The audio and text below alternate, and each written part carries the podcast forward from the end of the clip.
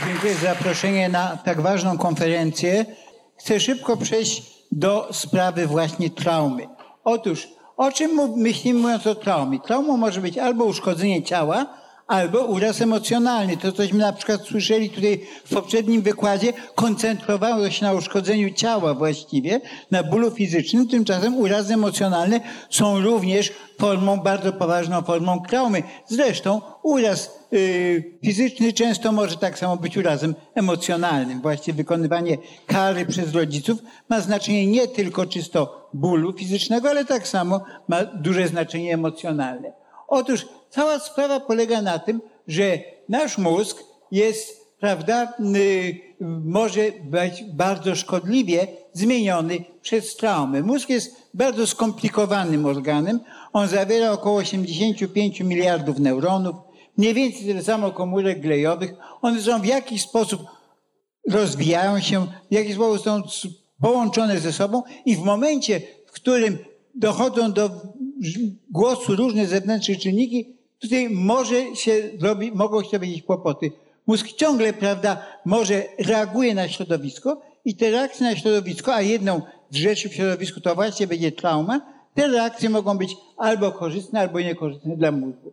Otóż dojrzały, y, prawda, mózg, on dysponuje pewnymi środkami obronnymi. Mózg broni się przed stresem. Mózg potrafi to robić. Natomiast mózg niedojrzały, mózg dziecka jest szczególnie wrażliwy, dlatego nie należy krzywdzić nikogo, ale my się specjalnie zajmujemy krzywdzeniem dzieci, ponieważ tamto krzywdzenie może po prostu spowodować największe, największe skutki, prawda?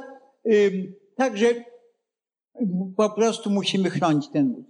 Teraz mózg y, oczywiście nie powstaje w momencie, kiedy przyjdziemy na świat, tylko w momencie, kiedy dziecko, mózg się kształtuje już w łonie matki, prawda? Tutaj gdzieś mniej więcej od 25 dnia już widzimy, jak ten mózg się rozwija, prawda? Jak rozwijają się poszczególne części tego mózgu i y, w momencie, kiedy się rodzimy, w dziewiątym miesiącu, właściwie już mamy tyle neuronów, ile, ile będziemy mieli maksymalnie w okresie życia, czyli około siódmego roku życia, ale jest tylko jedna część mózgu ludzkiego, w którym stale powstają nowe neurony, y, co jest bardzo ważne dla rozwoju mózgu i zresztą stres może uszkodzić właśnie tworzenie się tam tej neurogenezy, tworzenia nowych neuronów ważnych dla rozwoju.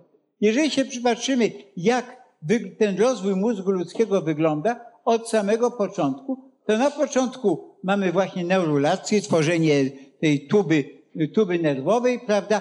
Neurony się rozwijają, dzielą, prawda?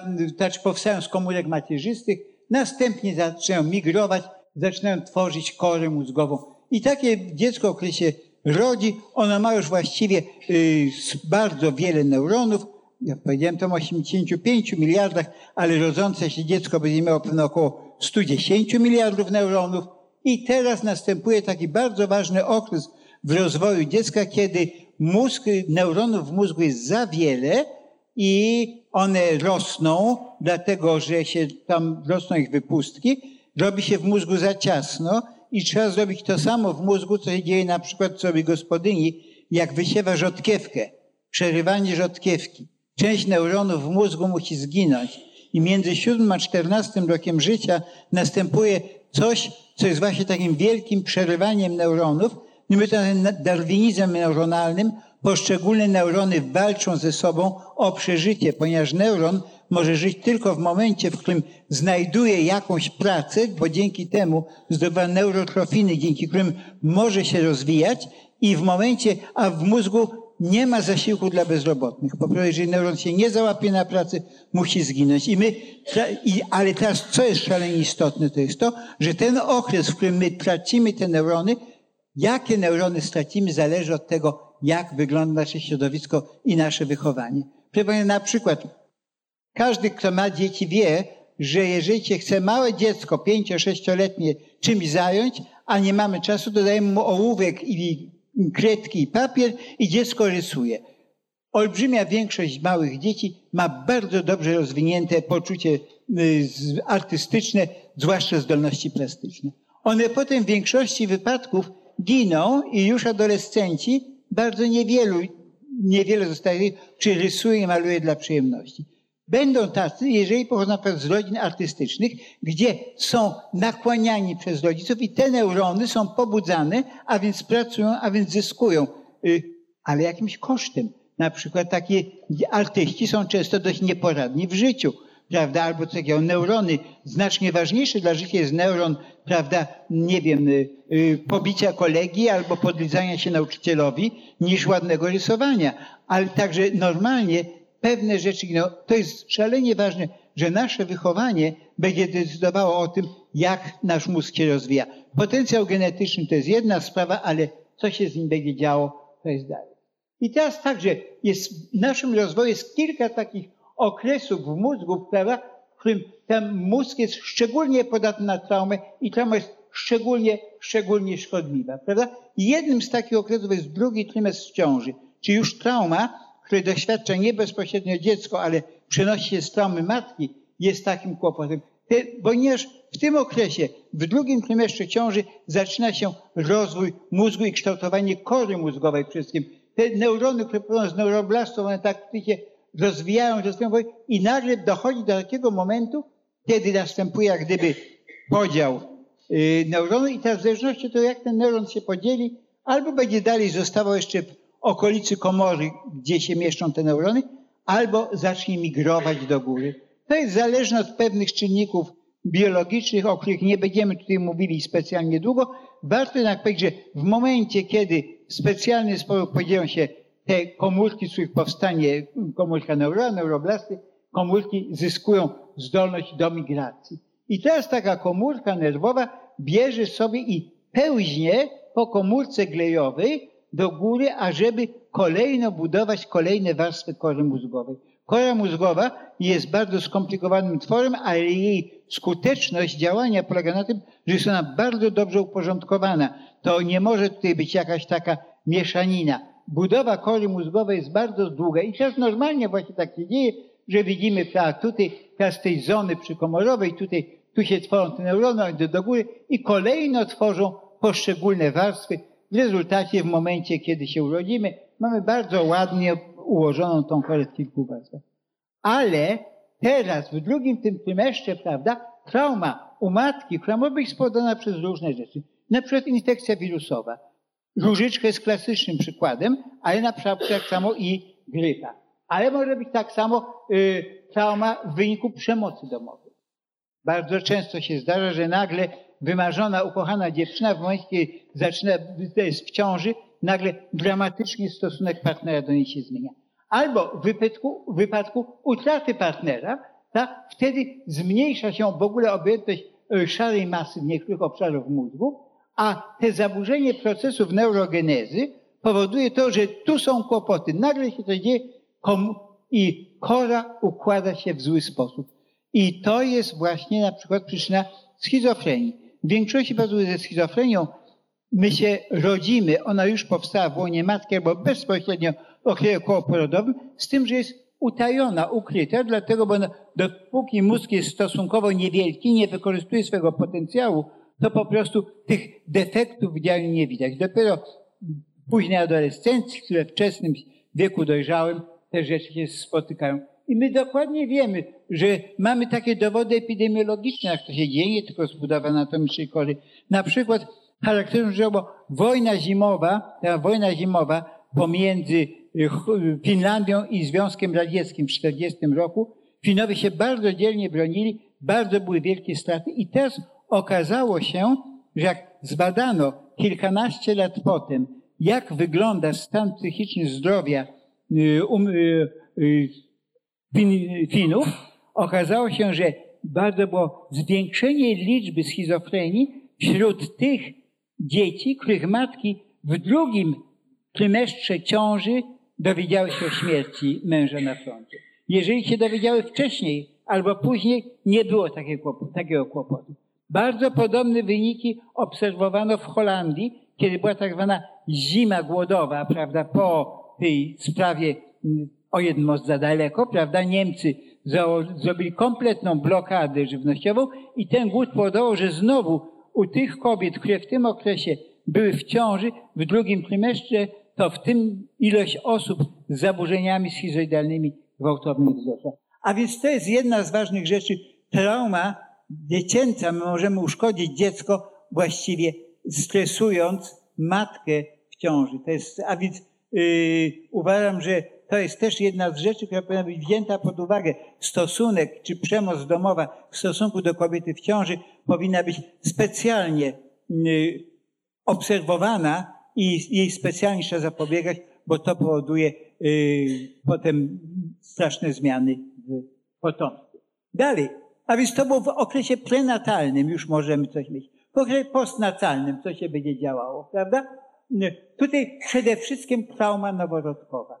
I ta trauma noworodkowa jest bardzo śmieszna, y, bardzo śmieszna, że my sobie nie zdajemy z tego sprawy. Znowu, jak postęp wiedzy to powoduje. Mianowicie, y, to były badania, y, które wskazują, że separacja matki od noworodka powoduje u różnych ssaków, powoduje, powoduje różne właśnie takie, takie zmiany.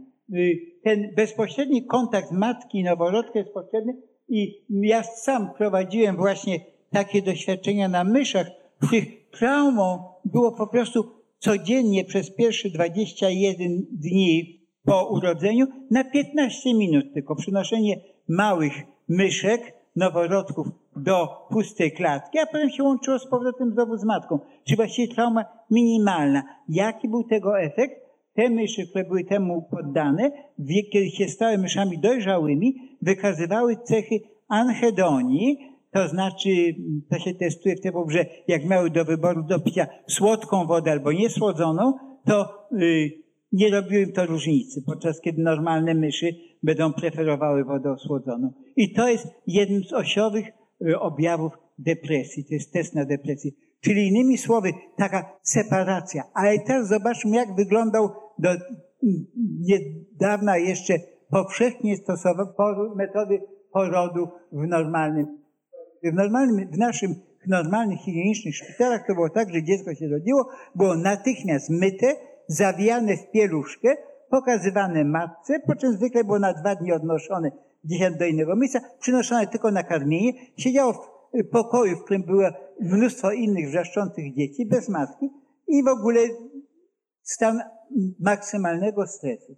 Nic dziwnego, że to źle naprawdę wpływało na tę, na tę całą sytuację. I, te, I rzeczywiście już stare, dawne badania Krepelina wykazały, że choroby takie jak depresja przebiegą znacznie ostrzej w krajach cywilizowanych niż w tak zwanych krajach prymitywnych, gdzie te dzieci zaraz po urodzeniu są trzymane bezpośrednio przy matce.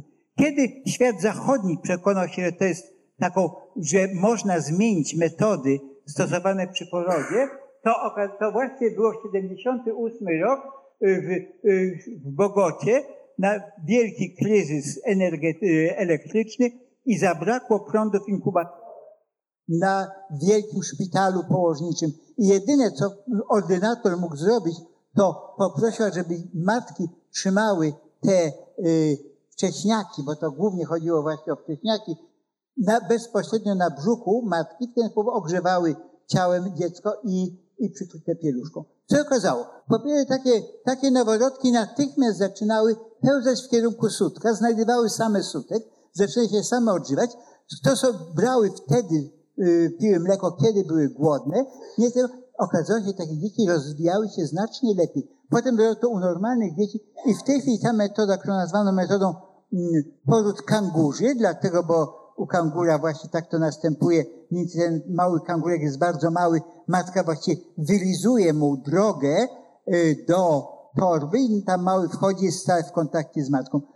Kangurzy powoduje, że dzieci są znacznie zdrowsze, znacznie mniej i psychicznych chorób. Takie w tej chwili to zaczyna wchodzić w Europie, ale to jest tak samo. Jedna z przyczyn traumy dziecięcej to jest trauma dziecięca. Ja właśnie sobie, że są takie traumy, które nie dotyczą y, tylko prawa karnego. My sami czasami traumatyzujemy dzieci, o tym nie wiedząc. My chcemy było jak najlepiej, żeby było dziecko czyste. Otóż akurat mnie właśnie nie chodzi o to, że dziecko było czyste, tylko żeby było szczęśliwe, prawda? Jak, jak gdzieś widziałem taki napis w Holandii zresztą w domu, ten dom jest na tyle czysty, żeby był zdrowy i na tyle brudny, żeby był szczęśliwy. I ja sądzę, że to jest taki, taki balans między jedną rzeczą a drugą. To jest właśnie, są właśnie z tych szpitali właśnie dzieci y, chowane w ten sposób. Nawet jeżeli na przykład matka nie może trzymać dziecko przy sobie, to wtedy bardzo często dziecko się kładzie na brzuchu ojca, na przykład po y, porodzie, y, po porodzie cesarskim, czy coś takiego. Mnóstwo rzeczy jeszcze może, właśnie te pierwsze okresy tworzenia noworodka,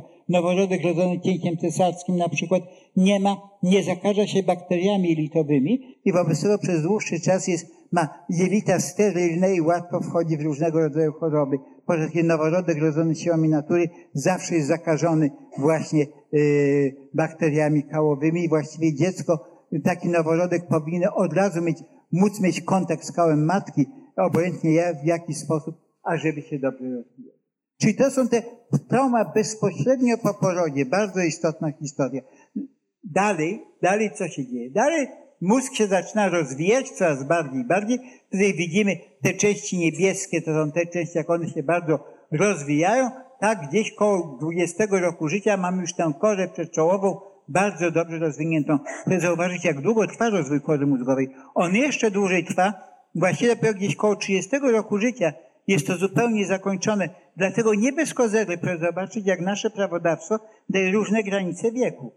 18 lat, czynne prawo wyborcze. 21, bierne. 25, senat. Dla sędziego jest chyba lat 30, prawda, yy, granica. A więc chodzi o to, że tylko osoby o odpowiednio rozbudowanej korze mózgowej mogą yy, być w sytuacji, w której mogą podejmować pewne ważne historie. To z kolei ten okres, okres wrażliwy, prawda, na traumę, to jest y, późne dzieciństwo i wczesna adolescencja, prawda? I tu właśnie mamy ten silny wzrost objętości neuronów, to co mówiłem, i nagle trzeba by, za dużo jest i około 30%, trzeba zredukować liczbę neuronów i to jest właśnie ten okres traumy darwinizmu neuronalnego. To jest okres bardzo istotny, prawda? I, i dla funkcjonariuszy osobowości jest bardzo ważne właśnie, jak jest wychowane trauma w tym okresie, trauma adolescencji może Ale zwracam uwagę jeszcze, że trauma w tym wieku dziecięcym to nie musi być trauma tylko rodziców, to może być trauma środowiskowa. Starszy brat o dwa czy trzy lata może być czynnikiem niesłychanie traumatyzującym, on wymyka się wszelkim tym sądowym i tak dalej, prawda? A jeżeli rodzic próbuje skarżyć skarcić starsze dziecko zabicie młodszego, to sam może właśnie mieć nieprzyjemności, że, że coś tam robi, bo sobie nie daje rady. Ale ja bym zwrócił uwagę właśnie, że jeżeli się przypatrzymy na to, jak wygląda przemoc w szkole, prawda, nawet w niższych klasach, to jest rzecz tak samo. My, się, my mamy tendencję, że my się koncentrujemy przede wszystkim na fizycznej przemocy w stosunku do dzieci i na traumy wywołane nadużyciem seksualnym w stosunku do dzieci. Natomiast jest mnóstwo innych przyczyn traumy, na które trzeba zwracać uwagę. Może to samo stosowanie kart cielesnych jak bicia nie daje aż tak strasznych skutków, jak mówiła w świetnym referacie moja przedmówczyni, bo gdyby było to prawdą, że bicie dzieci powoduje, że powstają sami przestępcy, to znaczy, że w wieku XVI, XVII, XVIII, XIX do połowy XX musiałoby się rodzić sami przestępcy, no bo dzieci wtedy regularnie były bite, prawda? Więc tak epidemiologicznie to nie jest aż tak, aż tak niedobrze. I czasami właśnie ta interwencja rodzicielska przy dużych rodzinach czy przy systemie szkolnym. Teraz mamy ten, mamy ten okres adolescencji, tak? To jest okres, w którym mamy ryzykowne zachowania w stosunku u młodzieży. To jest znowu okres, jak robić z tą młodzieżą. Ten, z punktu widzenia biologii, to stosowanie, to powstanie ryzykownych zachowań wśród młodzieży jest rzeczą typu naturalnego oczyszczania y, społeczeństwa od osobników negatywnie nastawionych, zbyt agresywnych, asocjalnych. Na przykład widzimy wśród młodych małp, prawda, gdzie duża ilość te młode małp, część młodych małp ginie, dlatego na przykład za dalekie skoki ryzykują i nie łapią się, nie łapią gałęzi, albo zaczynają walczyć ze starymi małpami i tam są zabijane w tym wieku. Także z biologicznego punktu widzenia te adolescencje, zachowania adolescentne, one mają za zadanie eliminację pewnych osobników. No, w naszym środowisku wygląda to inaczej, ale trochę tych biologicznych historii zostało i my musimy zwracać uwagę na to, że jest dużo tych zachowań adolescentnych i trauma wtedy bardzo często jest traumą nie powodowaną przez rodziców czy dorosłych, tylko właśnie traumą, traumą środowiskową. Oczywiście teraz nasza kora, kora przedczołowa, to jest ten, ten nasz największy to, co ludzkość sobie zdobyła, ona się rzeczywiście rozwija powoli, w końcu jest to. Ale ta kora może być uszkodzana, rozwój na przykład przez mm, yy, urazy mózgu. Urazy fizyczne, prawda, proszę zauważyć, ja uważam, że to jest szalenie ważne, w tej chwili są te wszystkie przepisy nakazujące, prawda, pasy dla dzieci, kaski ochronne, ale chciałem zwrócić uwagę, że bardzo wiele um, traum fizycznej wynikającej z uderzeń w głowę, to się dzieje w momencie, kiedy dziecko się zaczyna uczyć, albo pierwsze kilka lat, kiedy biega, więc też zwracam uwagę, że rodzice powinni chociażby pamiętać o tym, ażeby na przykład jeżeli można sobie miękkie wyjście, miękkie wykładziny czy coś takiego, bo takie uderzenia też mogą być złe.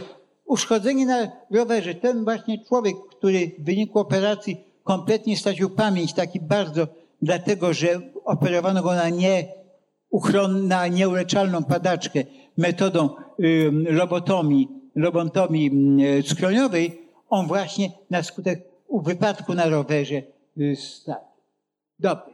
Dzisiaj oczywiście będziemy się interesować nie tyle traumą fizyczną, która wynika z wypadków, ale właśnie psychiczną, emocjonalną. Ona może mieć różne przyczyny, może mieć różne, różne formy. Prawda? Oczywiście trauma fizyczna wywołana przemocą w rodzinie to jest tak samo trauma, trauma psychiczna.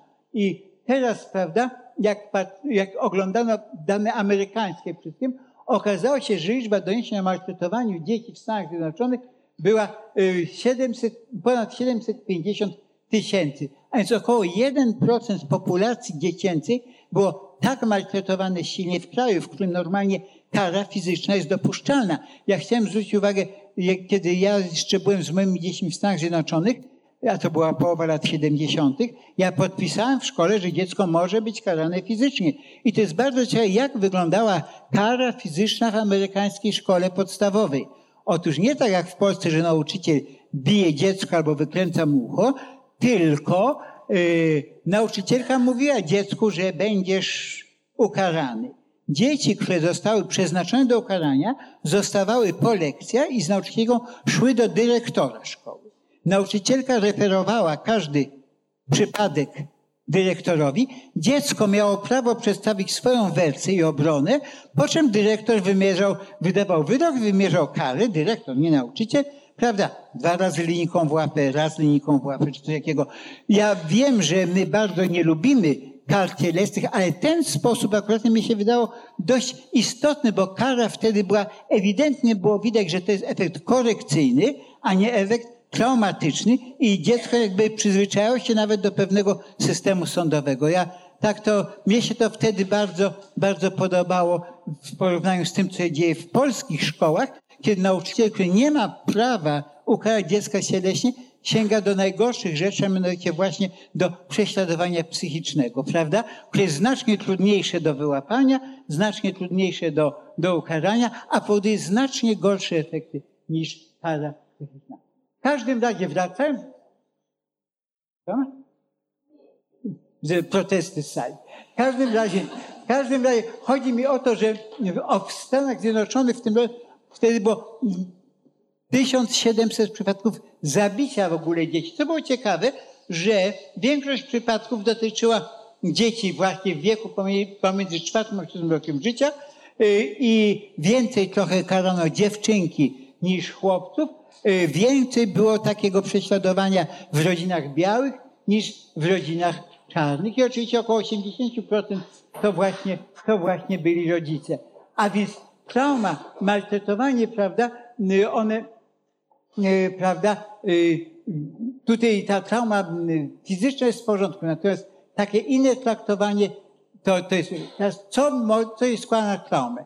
Żeby, żeby mówić o traumie, to musi być tak. Poważne zagrożenie zdrowia lub życia osoby. No, ja nie mówię w tej chwili, y, że to jest coś, to dalej, y, postawienie osoby bezsilnej wobec przytłaczającego strachu, lub, lub własnego pobudzenia. To jest też trauma, prawda?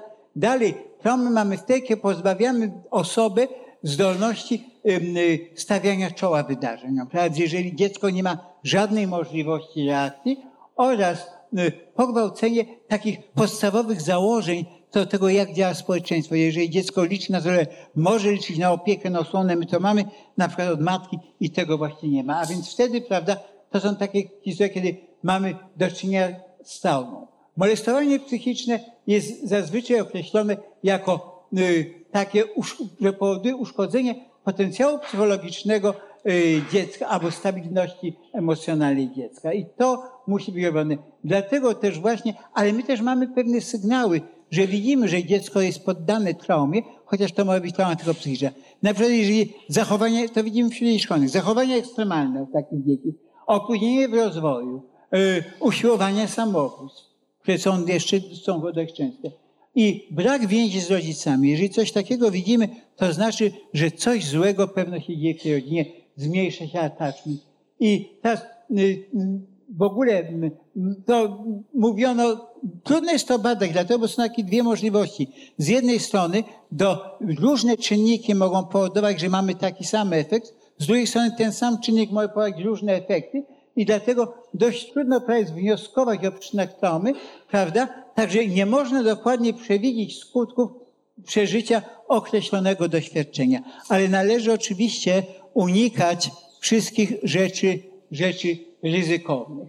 I niezależnie od tego, co mówimy, to prawda, jak tam trauma, prawda, to na pewno istnieje silny związek, prawda, pomiędzy krzywdzeniem w dzieciństwie i kłopotami z adaptacją społeczną, behawiorem emocjonalnym, z inteligencją poznawczą, a także z y, psychopatologią w późnym wieku. Czyli to, co tutaj pani mówiła, rzeczywiście trauma powoduje mnóstwo szkodliwych efektów społecznych, o czym my wiemy. Ona może, trauma może być albo, to mogą być pojedyncze wydarzenia, właśnie dziecko raz uderzone, czy coś takiego, może mieć charakter tego powtarzającego się zdarzenia. Dziecko stale bite, stale surowo może wreszcie mieć taki charakter, że to jest w ogóle wzorzec interakcji pomiędzy krzywdzącym rodzicielem a dzieckiem. I to jest taka sytuacja, w której należy naprawdę rozważyć zmianę, zmianę środowiska, w którym się dziecko wychowuje. Prawda? Trauma fizyczna, trauma seksualna to z reguły pojedyncze, chociaż powtarzające się wydarzenia, na przykład zaniedbanie i trauma emocjonalna, one to są relacje opiekuna z dzieckiem, one mogą być trwałe, prawda? I teraz cały kłopot polega na tym, że te wszystkie traumy będą powodowały stres, stres, który powoduje mnóstwo zmian hormonalnych, zmiany hormonalne wpływają na rozwój mózgu, prawda? I to będzie nam coś powodowało. Nie istnieje żaden taki wyraźny zespół po maltretowaniu, prawda? Skutki maltretowania bardzo zależą od wielu czynników, ale właśnie należy. Teraz przypatrzmy się, jakie są najczęstsze przyczyny traumy. Otóż wbrew temu ludzie bardzo często mają takie dziwne poglądy. Jak się, pytają, jak się pytamy przy na przykład, co jest najczęstszą przyczyną śmierci wśród młodzieży, to powiedzą narkotyki. Takiej najczęstszą śmiercią oczywiście są urazy, drugą samobójstwa. Narkotyki są gdzieś na jakimś stosunkowo odległym miejscu. Tak samo trauma. 80% prawie traumy dziecięcej to jest trauma z zaniedbania, to jest trauma z neglektu. Brak kontaktu i to jest silna trauma, która jak gdyby kompletnie wynik, wymiguje się prawu karnemu, prawda? Bo nie można zmusić rodziców do tego, żeby kochali, kochali dzieci.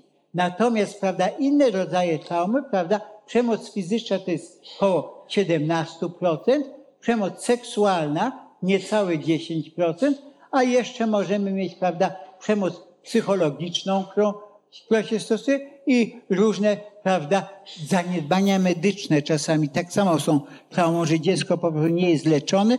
No i są jeszcze różne dodatkowe przyczyny. Otóż jasno, że trauma związana z zaniedbaniem, czyli neglect, to jest taka trauma, na którą specjalnie trzeba uważać, prawda? Bo to neglect, prawda, to jest to opiekunowie mogą albo otwarcie odrzucać, prawda, dziecko, obwiniać, y, poniżać, albo po prostu wykazują obojętność. Tata jest zajęty czymś swoim, a dziecko niech sobie siedzi przy komputerze, chce powiedzieć coś, co jest w szkole, to rodziców to nie obchodzi, prawda, i tak dalej.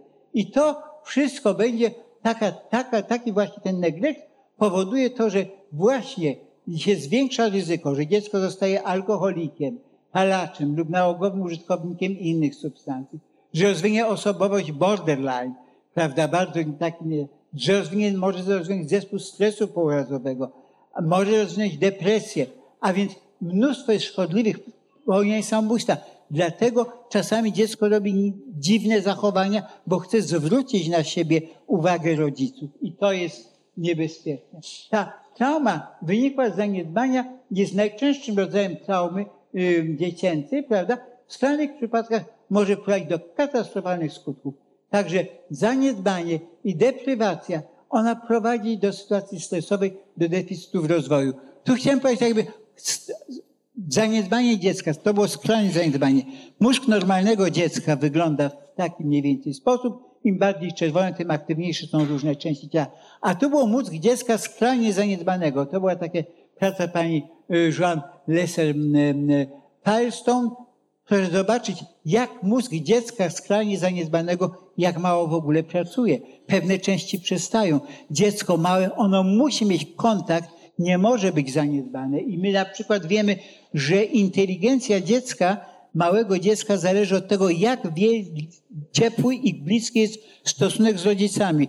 To Amerykanie to nazywa parenting, ile tam właśnie rozmów, rozmów z dzieckiem, husiania, bezpośrednich kontaktów, brania i tak dalej. I kiedy zrobiono takie badania, jak wygląda potem rozwój inteligencji dziecka w zależności od o, czyli IQ w zależności od tego parentingu, to ewidentnie było widać, że im więcej zainteresowania rodzicielskiego, tym więcej, zarówno chłopców, jak i tym większa będzie inteligencja dziecka. To jest okres wieku pomiędzy pierwszym a trzecim, pierwszym a trzecim rokiem życia. Czyli znowu, ten tworzenie więzi jest rzeczą podstawową i ono chroni traumę, ale też działa na korzyść dziecka.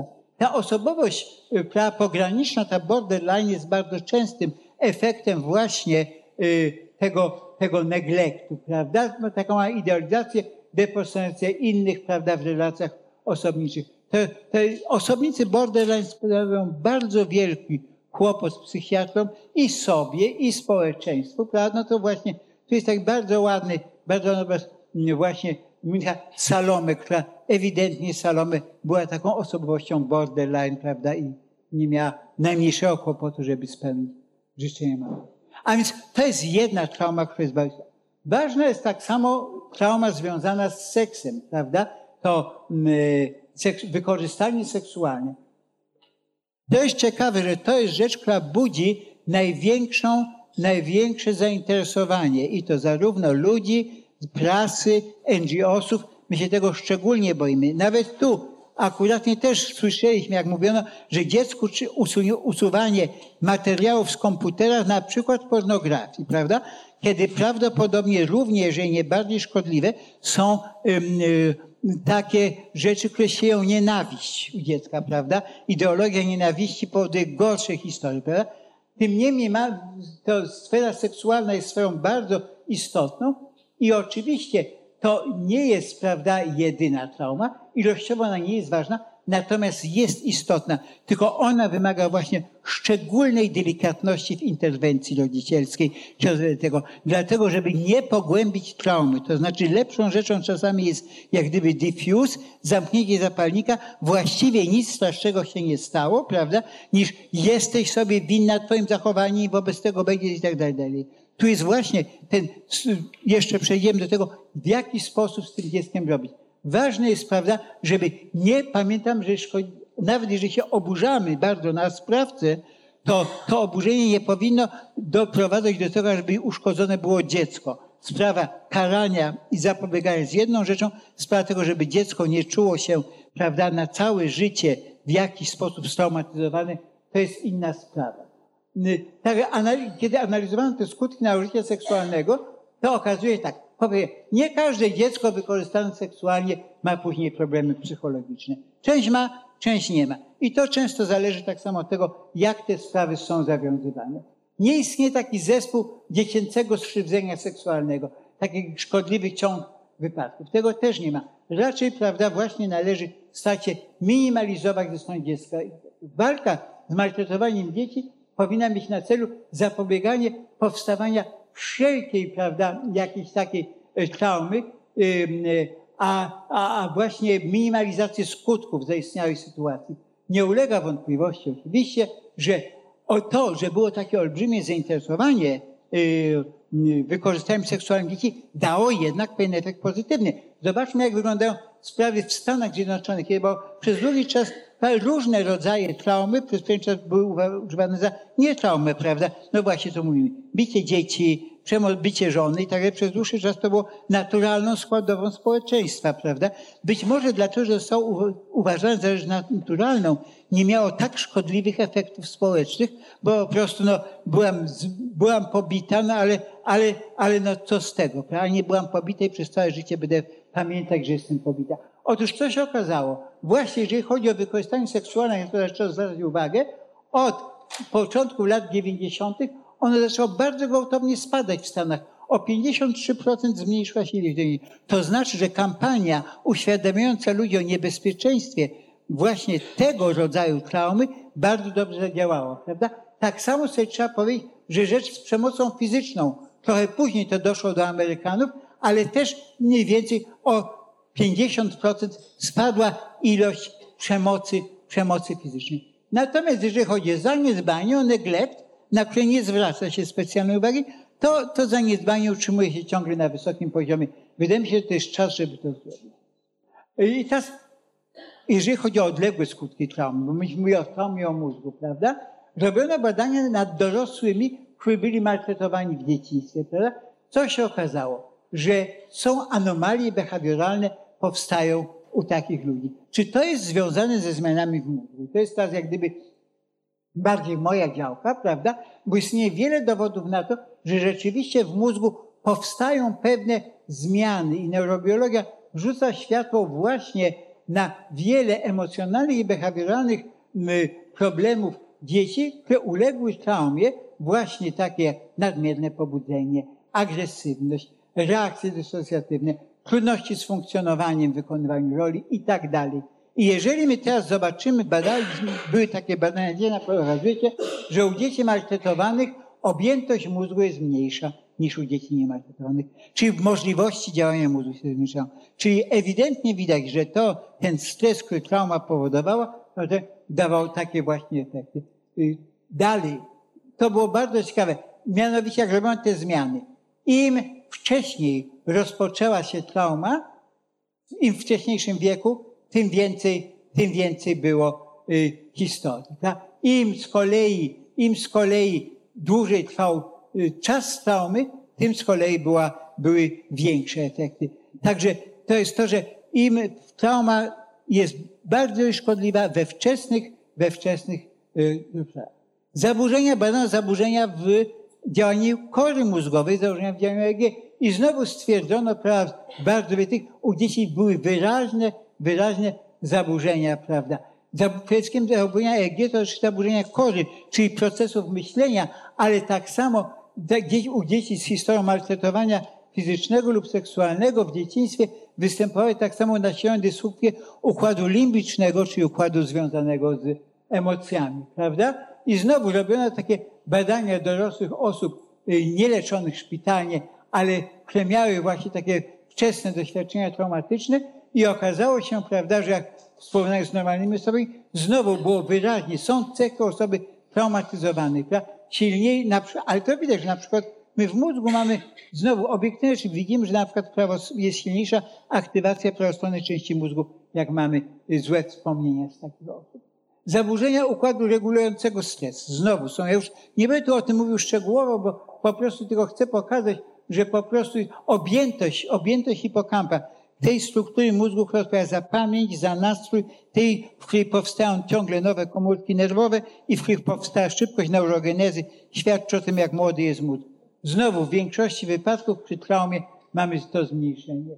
Dalej widzimy, że były badania na kobietach, które były molestowane w dzieciństwie. Okazuje się, tam pewne części kory mózgowej są węższe, czyli sprawność umysłowa tak samo jest mniejsza, mniejsza niż u innych, prawda? A więc oczywiście większość badań robi się na zwierzętach, niż ale, ale te modele zwierzęce, co my widzimy? W momencie, kiedy mamy różnego rodzaju, są takie w ogóle epidemie, epidemie społeczne, prawda? Takie patologie, prawda, które czasami gdzieś występują. I te patologie społeczne, one wtedy są rzeczywiście trwałe zmiany. To akurat nie XVII-wieczna Anglia, prawda? I to, to jest Hogarth, prawda? To jest ta ulica Ginu, prawda, gdzie wszystkie rzeczy razem działały w jednym kierunku. Złe patologie społeczne, jak się rozwijają, tak samo są patologie dziecięce. Masowy alkoholizm na przykład, który na szczęście w Polsce już nie jest, ale gdzieś na wschód od Polski jest, prawda? on też powoduje takie poważne zmiany traumatyczne.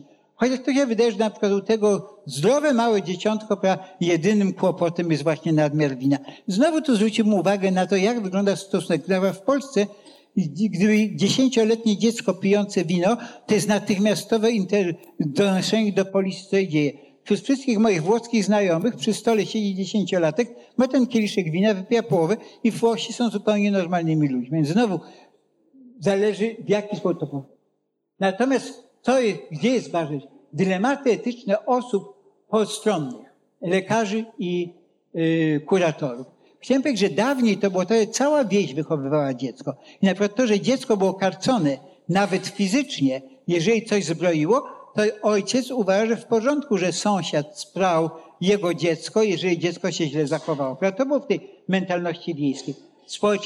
Społeczność i uważano, że każdy członek dorosłej społeczności może, może brać udział w projekcie wychowawczym. Natomiast tu jest taki problem tej, czy i kiedy zgłaszać podejrzenia, że maltretowane, że maltretowane jest dziecko, prawda? Ten nadzór społeczny, prawda, wszystkie dzieci są nasze, może uratować dzieci, ale może tak samo unieszczęśliwić. Ja chciałem tylko powiedzieć, że inteligentne dzieci. Ja bardzo jestem zadowolony, że sąsiedzi mojego syna byli osobami nieczułymi i nie reagowały na wrzaski dziecka, że dziecko jest bite, ponieważ mój wnuk, kiedy miał lat sześć, dowiedział się w jakiś sposób, że jeżeli jest bity, to rodzicom może się stać coś złego i po prostu spokojnie siadał na środku pokoju i wrzeszczał, nic mu się nie działo, a on wrzeszczał, że go biją. No, na szczęście sąsiedzi nie zainterweniowali, no i okazało byli nieskuteczni. I po dwóch miesiącach próby zwrócenia na siebie uwagi rzecz zniknęła, prawda? Ale proszę zauważyć, że w pewnych wypadkach ta nadmierna interwencja, to właśnie tu jest ta kwestia olbrzymiej odpowiedzialności, prawda? Ten nad, można unieszczęśliwić, prawda? Bo doniesienia o maltretowaniu dzieci bardzo często będą powodowały potem rozłączenie z rodziną. I to jest pytanie, czy dla dziecka rzeczywiście jest rzeczą korzystniejszą, że jest dziecko wyrwane ze swojego środowiska rodzinnego i wchodzi w inne, fizycznie bezpieczniejsze, prawda? Ale, ale nagle, prawda, ale prawda ma jakieś takie traumatyczne. Kwestia, kiedy lekarz powinien zgłaszać, prawda? lekarz, który widzi pobite dziecko, prawda? czy zgłaszać, czy też właśnie raczej rozmawiać z rodzicami. Prawda? Znowu, kto, to, trzeba, to jest to właśnie dla państwu, dla lekarzach, dla kurator, na kuratorach, na sędziach, ten olbrzymi obowiązek, w jaki, bo trzeba pamiętać, że chodzi o, trauma jest rzeczą straszną, ale w jaki sposób, żeby konsekwencje walki z traumą nie były gorsze niż sama trauma, prawda? W pewnych sytuacjach y, dla dobra pacjenta raczej trzeba podjąć takie łagodniejsze środki, prawda? A w innych, jak widzimy, że dziecko nie właśnie surowsze. Czy idziemy na policję, czy rozmawiamy z rodzicami, czy straszymy rodzicami. Bo decyzje o losie maltretowanego dziecka muszą być podejmowane, prawda, przy użyciu empatii prawda, i wiedzy psychologicznej, prawda. Dlatego, bo trzeba wiedzieć, jak, na, w jakim stopniu, prawda, uwzględnić wolę dziecka, jego potrzeby emocjonalne. Bo dobro dziecka nie, to nie jest umieszczenie takiego młodego człowieka w wyśnionych, wymyślonych sobie przez ym, kuratora czy ideologa warunkach, prawda? Chodzi o zminimalizowanie traumy, prawda, umożliwienie harmonijnego rozwoju. Cztery końcowe uwagi, bo już i tak mówię za długo. Trauma w okresie dziecięcym zdecydowanie szkodliwa dla dalszego rozwoju poznawczego, emocjonalnego i behawioralnego. To nie ulega wątpliwości. Wiele zdarzeń, które wydają się nam bez znaczenia, mogą być przez dzieci odbierane jako bardzo traumatyczne straszenie dziecka. Przyjdzie cygan, cię weźmie do worka, prawda? Klasyczna, klasyczna, klasyczna. Nikt za to, żal, żal, a, a, nikt nie pójdzie za to do więzienia, prawda? A jeszcze się tutaj na nie ksenofobii się ma, prawda? Wyśmiewanie, prawda? Jesteś tego, a jak jesteś głupi. No to bardzo ładnie, bo nie, ja w ciebie wierzę, nie wyśmiewam, prawda? Surowość wychowania. Jest surowe wychowanie, to nie znaczy dobre. Maltretowanie prowadzący do traumy jest często niezauważany przez opiekunów, prawda? Na, na przykład przez nauczycieli. Na ogół uchodzi też uwagi maltretowanie przez grupy rówieśnicze i przez rówieśników, co jest dość istotne. W szkole, prawda, ci, te bullying, prawda, ta, ta grupka dzieci, które prawda, to jest to samo zresztą z falą w wojsku, prawda, fala przemocy. Co bardzo wiele rzeczy, to nie tylko rodzice są winni traumy, prawda, ale właśnie czasami rodzeństwo, czy też dalsza rodzina. Trauma dziecięca powoduje powstanie ewidentnych zmian funkcjonalnych i anatomicznych w mózgu. I dlatego są to, czyli naprawdę te wszystkie zmiany behawioralne, kliniczne szkodliwości powodują na to, że mózg dziecka, które ulegało traumie, jest uszkodzony, prawda? I walka z traumą dziecięcą, y, prawda, jest y, bardzo odpowiedzialna, prawda? I to jest obowiązek społeczeństwa. Ta walka musi być prowadzona przede wszystkim mądrze, z życzliwością, a najlepiej z miłością do tego małego człowieka, któremu chcemy dać. Dziękuję bardzo.